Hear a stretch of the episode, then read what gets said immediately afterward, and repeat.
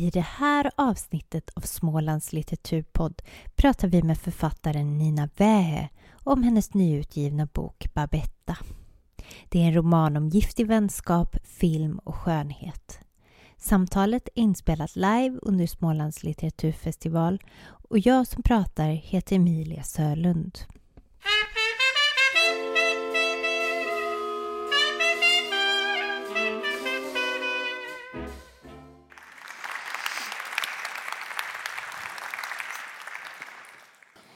Det är ju lite speciellt att få intervjua någon som har en alldeles nysläppt bok, för då har man inte pratat om den så mycket. Är Nej. det så för dig? Eh, Så är det verkligen för mig. Eh, Jag var i Värnamo igår på Småligt också och då pratade jag om den för första gången på det här sättet. Mm. Och när såg du den för första gången? När fick du själv ett tryckt ex? Ja, men när var det? Det var kanske en månad sedan när det kom ett sånt signalex från tryckeriet. Så rusade jag till förlaget och tog det. Ja. Hur känns det för dig att ha den ute? Eh, Det känns jättebra. Jag, den, är väldigt, eh, den är väldigt fin framför allt. Det är en väldigt eh, vacker bok tycker jag. Eh, Det Alltså, är det en är- pool på framsidan med en kvinna som ligger i turklipp, lite mosaikaktigt Som filmremsor kanske. Kanske. Har du varit med och påverkat utseendet? Eh, ja, vi brukar, eller min förläggare frågar alltid mig vad tycker du? Har du några tankar? Och sen så pratar vi och sen så, så gör formgivaren någonting fantastiskt utifrån de här luddiga idéerna. Men film känns som ett nyckelord i det här sammanhanget. Mm. Din bok handlar om film och den är nästan byggd som en film. Berätta lite, var kommer ni idén till den här boken ifrån? Ehm, ja, men idén kom egentligen från... Jag var, höll på att skriva en annan bok. Eller skriva är väl inte sant, men jag hade i alla fall bestämt mig för vad jag skulle skriva. Eh, och jag skulle skriva en bok som utspelade sig i Hälsingland. Den skulle handla om glesbygd, den skulle handla om män och deras vänskap. Eh, men sen en natt så drömde jag något. och jag brukar inte drömma så spexiga saker. Alltså jag brukar drömma så här, ja mjölken var slut och så gick jag och köpte mjölk och så hade jag mjölk. Eh, men nu drömde jag liksom någonting som var eh, som en nattlig film nästan. Det var liksom två kvinnor, det var en pool, det fanns en film som en av de här kvinnorna hade varit med i. Det fanns en titel på filmen, det fanns liksom bilder ur den här filmen. Och så var det som ett, alltså jag hade kunnat göra en sån moodboard liksom med bilder och musik till, alltså det allting fanns där, inte allt, men det fanns så pass mycket så att jag kände men, men gud, det här kan jag inte bara kasta bort. Det här... Det låter som en otroligt avancerad dröm, tycker jag. Ja, ja, den var väldigt avancerad, i alla fall för att vara en av mina drömmar. Alltså om man sitter och lyssnar på sina barn på morgonen när de berättar så kan det ju vara ännu mer avancerat. Men, eh, men det kändes som att, jag liksom, att den fanns redan. Ehm, så då fick jag lägga mitt liksom, Hälsingeprojekt åt sidan och bara skriva ner det här. Eh, och sen dök det upp eh, visade sig att det inte var, det var inte hela boken jag hade drömt men det var liksom tillräckligt mycket för att eh, jag skulle komma ganska långt in i berättelsen. Den handlar om två eh, kvinnor, tidigare flickor, eh, Katja och Lo. Berätta lite om karaktärerna. Om Katja? Katja och Lo. Jaha, ja men de är eh, bästa vänner. De träffades när de gick teaterlinjen på gymnasiet på eh, Södra Latin i Stockholm som är ett sånt liksom eh, prestigegymnasium för, för teaterelever i alla fall. Eh, och där går, kommer de in och där eh, börjar deras vänskap. Eh, och precis efter eh, studenten så får Lo en roll i storfilmen Babetta eh, som handlar om Ungerns historia kan man säga. Eh, skildrad genom den här fattiga tjänsteflickan Babetta som Lo spelar. Eh, och när vi kommer in i boken så har det gått 15 år sedan eh, då. Eh, Katja som är berättaren hon har sökt scenskolan varje år sedan dess. Hon har sökt i Stockholm, Göteborg, Malmö och eh, Luleå där det ska vara liksom lättare att komma in. Men hon har inte kommit in. Eh, så hon jobbar på café och försöker liksom ta tag i sitt liv. Eh, och Lo hon har liksom bara försvunnit iväg till Hollywood och en massa exotiska platser där hon är och filmar. Men när, när boken börjar så skickar hon ett sms till Katja och säger kom hit. Eh, och hit är eh, ett sorts slott i södra Frankrike där Lo bor med sin dubbelt så gamla pojkvän som är också en legend i filmbranschen. Och då åker Lo dit, eller Katja dit och så, så tillbringar de en sommar tillsammans där. Det är väldigt ojämnt mellan de här två. Den väldigt... ena är superframgångsrik och den andra är inte framgångsrik på särskilt många områden. Nej. Så det, det är en ingen jämvikt mellan dem från början i den här berättelsen. Nej, de är liksom som en sån där teaterövning som man får göra om man, om man går på teaterlinje på gymnasiet så finns det, eh, får man göra så statusövningar där det liksom går ut på att den ena ska vara låg status och den andra ska vara hög status. Och sen så under, under improvisationens gång så ska man liksom byta plats. Eh, men det där, den där eh, platsbytet, det har liksom aldrig ägt rum i deras relation utan det har alltid varit så här ända sedan de lärde känna varandra. Eh, och Katja ja, men hon, hon älskar sin vän men hon är nu också väldigt avundsjuk på henne. Mm. Du sa innan att den här boken handlar om vänskap. Man, ibland måste jag säga att det inte känns som riktig vänskap när man läser. Är det vänskap? Nej, jag vet, alltså den, den här boken berättas ju, den här berättelsen berättas ju genom Katja. Och det, när jag började skriva så var det liksom hennes röst jag hörde, den kom till mig och jag lyssnade på den och skrev ner det hon sa ungefär. Eh, och det första hon sa var det här är en berättelse om en, en sån stor vänskap, ungefär. Eh, så började jag skriva. Mm, Okej, okay, intressant, berätta mer. Och så ju mer hon berättade, desto mer kände jag så här, men jag vet inte om jag skulle säga att det här är vänskap. Det här är någonting annat och det kanske är eh, hon kanske tror att det är vänskap, eller hon måste ju nog intala sig själv att det är vänskap. Men jag kan tänka mig ganska många andra saker det skulle kunna vara, förutom vänskap. Ehm, men hon kanske till exempel är förälskad i Lo. Eh, hon kanske till och med ehm, hatar henne. alltså, fast hon skulle nog aldrig våga erkänna det för sig själv, för det skulle ju vara... Nej, det, ja. Men tycker Lo om Katja? hon säger också i boken gång på gång, det här är min bästa vän. Ja, jag vet inte. Eh, men hon är ju ganska... De är ju liksom... De är fast på något sätt i en vänskap som är, som är skapad och grundad i ehm, gymnasieålder. Och liksom när man går på gymnasiet då är det ju den tiden i ens liv är ju, då är ju vänner väldigt viktiga. Man har liksom inga andra nära relationer. Ehm, man håller på att frigöra sig från sin familj och man har inte någon ny familj liksom med barn och sådär som man som så ens vänner blir väldigt viktiga och speciellt om man håller på ehm, med med teater som de gör så blir det liksom också väldigt viktigt med att höra till. Man speglar sig väldigt mycket i sina vänner. Ehm, och jag tror att de liksom är, är ehm, de, jag tror att många av såna här av den här sortens vänskaper liksom tar slut. Eller antingen så utvecklas de, men det, det kräver på något sätt tror jag att man pratar med varandra. Men, men de, de här två kvinnorna pratar inte med varandra. De är ofta väldigt tysta. Ja, och det händer mycket. Får man avslöja att den, hon är till exempel otrogen med Los mm, Det händer ju ganska tidigt i berättelsen.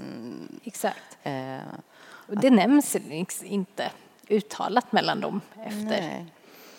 Och jag tror också att för Katja, eh, ja, hon, är, hon råkar ut för en situation med Los pojkvän, eh, gubbpojkvän, eh, som också är liksom kanske lite i gråzonen för är det, eh, är det liksom någonting de delar eller tvingar han sig på henne eh, och hon kan inte heller liksom riktigt formulera det tror jag för sig själv.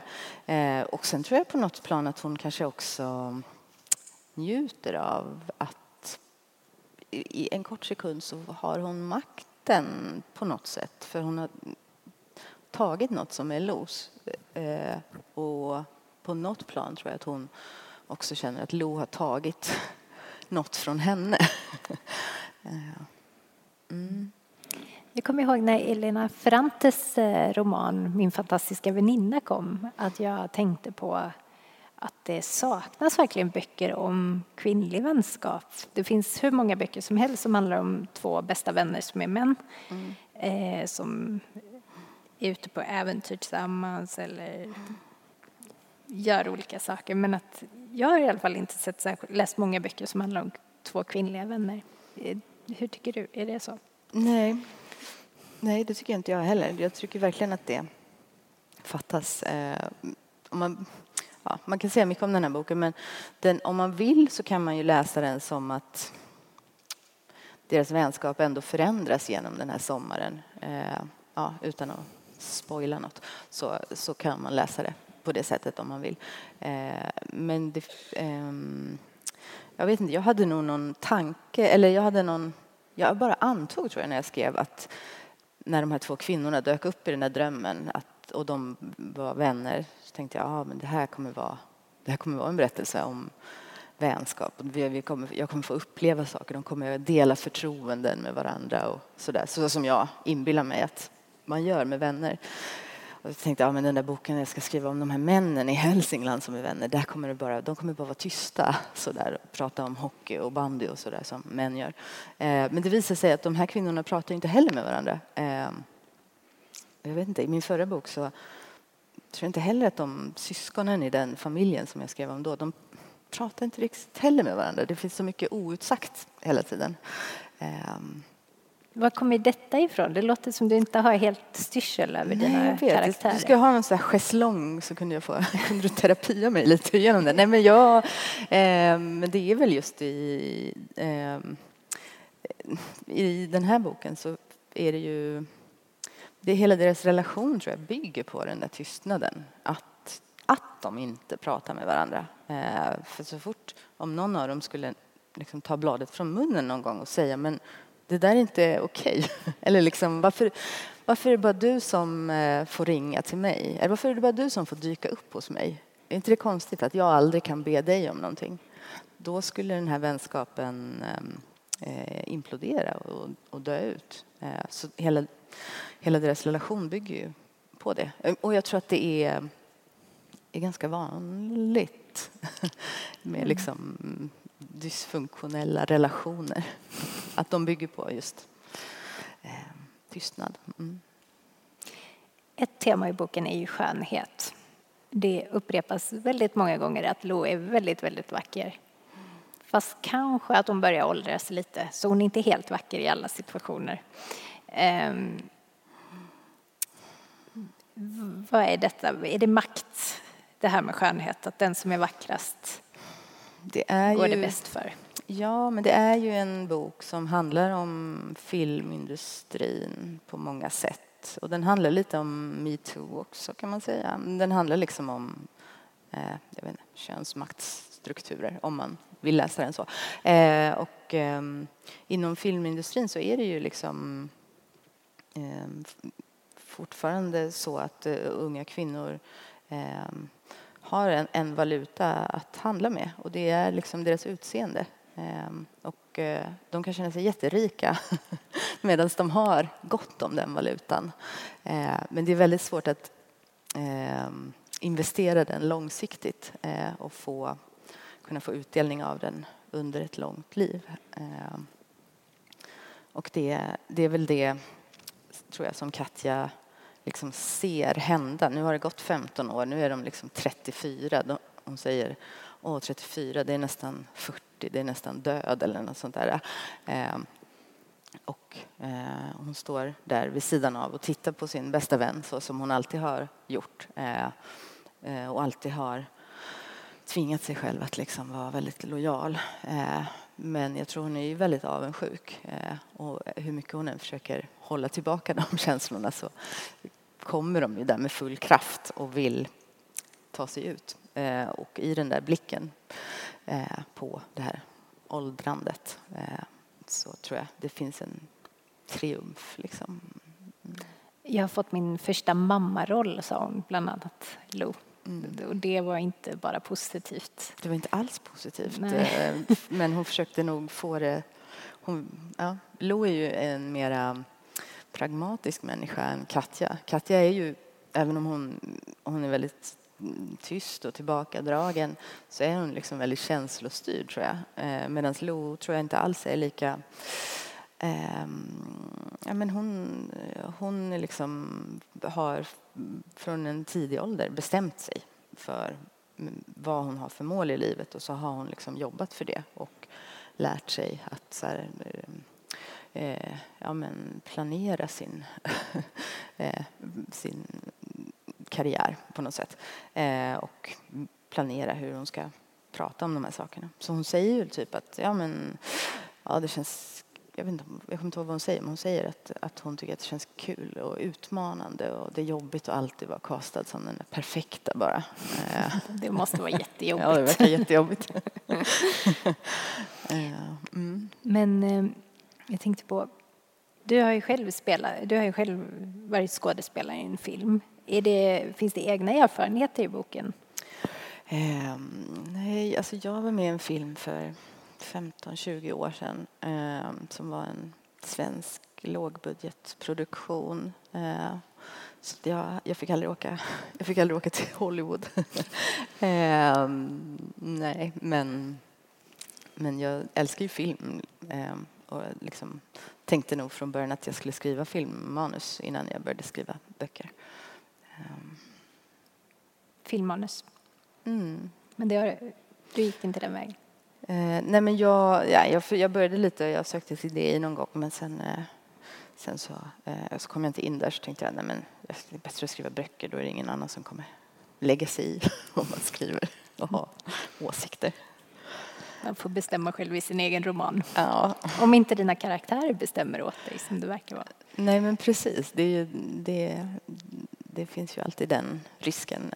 Eh, men, eh, men jag tycker att det ja, jag vet inte. Jag tänker på skrivandet som att det liksom handlar mycket om att lyssna på röster som kommer till mig på olika sätt eh, och skriva ner det de säger. Och att mitt jobb kanske snarare då blir att eh, ställa rätt frågor till de här karaktärerna som berättar saker. Jaha, varför? Varför? Ja. Jag tänkte på, det är säkert många här i salongen som har läst din förra bok, Testamente som ju utspelar sig i en helt annan miljö och det är en helt annan typ av berättelse, mm. en släktkrönika från Tornedalen. Mm. Det var aldrig frestad att fortsätta i den miljön, kanske utveckla någon av karaktärerna. Det här är ju verkligen ett helt annat sammanhang, en annan typ av berättelse. Ja, nej men jag, jag, alltså jag kan vara intresserad av, jag kan vara lite nyfiken på vissa av de karaktärerna och ta reda på vad som har hänt med dem. Men men jag, menar, jag, tror det, ja, jag tror glaset var ganska halvtomt där. Jag tror, jag tror man bara skulle bli besviken om man tog reda på vad, hur det gick för dem. Eh, det skulle nog inte gå så bra. Eh, så jag, ja, just nu är jag inte så intresserad av det. Eh, och den här boken är ju, utspelar sig ju i ett varmt och soligt land. Det är väldigt, allt är väldigt rent och lyxigt. Eh, och det är säkert en effekt också av att den är skriven under en pandemi när det var omöjligt att åka någonstans. På jobbet så åkte jag iväg. Alltså, det, förutom att de är ganska otrevliga mot varandra så låter det som ett ganska härligt ställe att ha semester. Mm. Ja, precis. Man skulle gärna hyra det huset. Mm. Precis. Mm. Eh, vi måste bara komma in lite på uppbyggnaden av din bok. För den är nästan som en film. Det finns till och med en eh, director's cut i slutet. Kan man bygga en bok som en film? Är det det du har gjort? Eller? Eh, ja, men eftersom den här filmen, Babetta, är ganska... Den känns central för de här äh, gestalterna i berättelsen så kändes det också viktigt att skriva fram den filmen.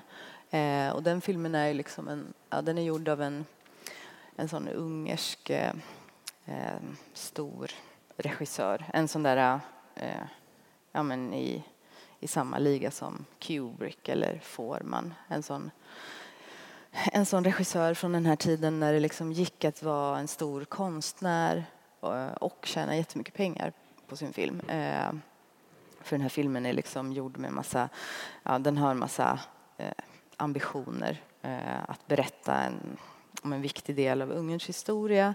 Ehm, den har också ambitioner att göra det på ett väldigt konstnärligt och liksom tekniskt avancerat vis. Sådär som eh, stora regissörer tycker om att göra. Göra jättedyra tagningar. Det ska vara liksom det ska vara som äkta film eh, och det ska vara en enda lång tagning och det ska vara så superregisserat. Eh, så den regissören eh, dök upp med den här filmen. Ehm, och sen så kommer de liksom, ja, den, den här Babetta-filmen är uppbyggd av några centrala scener och då kommer de liksom med jämna mellanrum genom berättelsen och Eh, kanske att de också på något sätt speglar varandra så som de här kvinnorna speglar varandra. Eh, ja, eh, jag vet inte, det, det, var, det var så det behövde bli. Det känns som du har en stor kärlek till filmkonsten som, mm. som konstform.